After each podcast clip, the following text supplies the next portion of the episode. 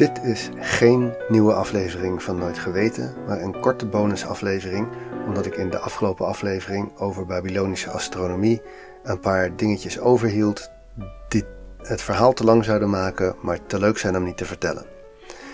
Hier komen ze gewoon één voor één. Het eerste ding.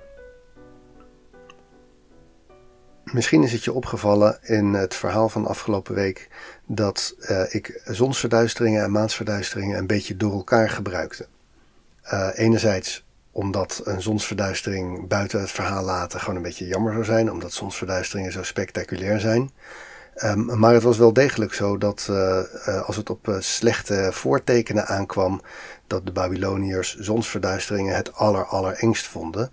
Maar ook al wordt dat vaak gezegd dat ze dat konden, eigenlijk konden ze geen zonsverduisteringen voorspellen. In maansverduisteringen waren ze op een gegeven moment heel goed, maar zonsverduisteringen waren te lastig. Dat is eigenlijk raar, want het trucje wat ze hadden eh, uitgepuzzeld, de Saros-cyclus, geldt voor zowel zonsverduisteringen als maansverduisteringen.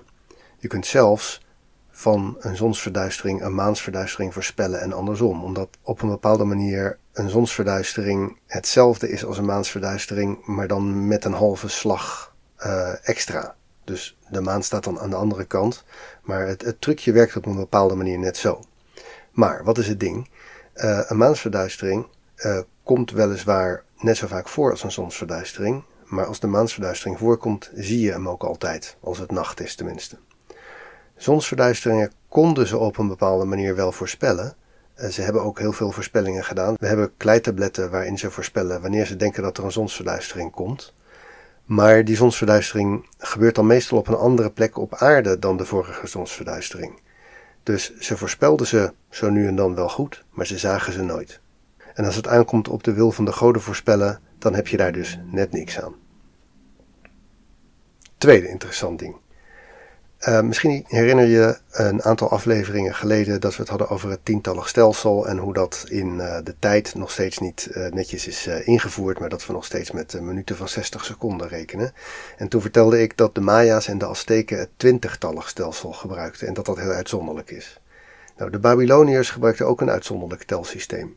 Ze hadden een best geavanceerde wiskunde, maar ze gebruikten een zestigtallig stelsysteem. Dus uh, we, we, weten niet precies hoe het werkte, maar in ieder geval ze, ze telden tot 60. En dan pas kwam er een extra uh, uh, laag bij van keren 60. Um, het enige waar je dat aan kan zien, misschien heb je dat al wel beseft toen ik het een paar afleveringen geleden zo zat te drammen over dat alles in tientallen zou moeten, is de manier waarop wij graden rekenen. De, helemaal in de ronde noemen wij 360 graden. Dat is eigenlijk ook een heel raar aantal. Waarom niet gewoon 1000? En dan bijvoorbeeld een kwart is dan 250 of zo. Die 360 die hebben wij geërfd van de Babyloniërs. Die hadden als eerste eh, een, een, een indeling gemaakt van ja, de, de, de hele omtrek. En uh, omdat zij uh, in keren 60 telden en ze natuurlijk 6 keer 60 dan een heel mooi rond getal vonden, werd 360 de maat voor helemaal rond. Uh, en ja, daarom is nog steeds 90 graden een rechte hoek in plaats van iets wat voor ons mooi rond zou zijn, zoals 100.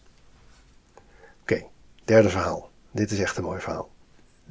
Die gewoonte om bij naderend onheil uh, tijdelijk een, uh, een soort van stand-in koning aan te stellen, die was vrij wijd verbreid in Mesopotamië. Niet alleen de Babyloniërs deden dat, dat gebeurde her en der. En er is een mooi verhaal het speelt, uh, het speelt ergens uh, in de 19e eeuw voor Christus in de stad Issin. Dat was een onafhankelijk stadje. Uh, dit was een periode waarin er niet één groot rijk was. En in Issin had je in die tijd een, een koning en die heette Erra Imiti. En Erra Imiti had, nou zoals dat in die regio dus ging, allerlei priesters. Uh, en uh, die priesters die voorspelden op een uh, kwaad moment een, een, een, zeer slecht voorteken. We weten niet wat. Het zou kunnen dat het een maansverduistering was. Nee, dat zou trouwens niet kunnen, want dat konden ze in die tijd nog niet. in ieder geval, er was iets helemaal mis. Misschien iets in de, de nieren van een geit of iets dergelijks. En zoals ze dat dus deden, werd er gezocht naar iemand die het onheil van de goden op zijn schouders kon nemen. En die werd gevonden in de tuinman. De tuinman genaamd Enlil Bani. En uh, die werd dus uh, een paar dagen voordat het onheil verwacht werd ingehuldigd als koning. er werd een koningin bijgezocht en hij, ja, hij was ineens de koning. Misschien wist de beste man ook niet wat hem overkwam. En de echte koning ging een paar dagen in hiding. Hij, hij verstopte zich en, en, en, en mocht door niemand gezien worden. Toen ging het mis. De koning, die zich dus ergens verstopt had, verslikte zich in zijn pap, die te heet was. Nou, kun je je afvragen hoe je je in pap überhaupt verslikt, maar in ieder geval, hij overleefde het niet. Dus de koning was ineens dood en de substitute koning ja, zat daar.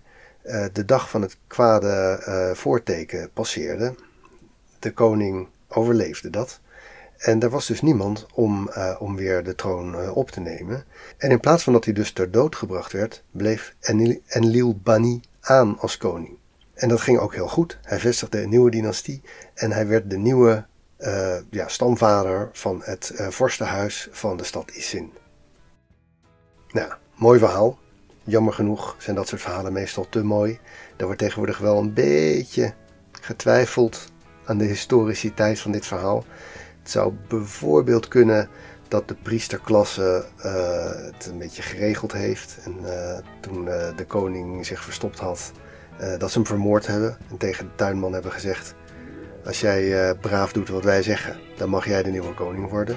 Het zou zelfs kunnen dat de tuinman daar zelf achter zat. Misschien was het achteraf helemaal geen tuinman. Misschien was het een opzetje en heeft hij de priesters in zijn spel gebruikt. Dat weten we niet helemaal. Het klinkt inderdaad een beetje te mooi om waar te zijn. Maar ja, voor de, voor, voor de lol lijkt het me een mooi idee om te denken aan tuinman en Lil Bunny, de tuinman die koning werd.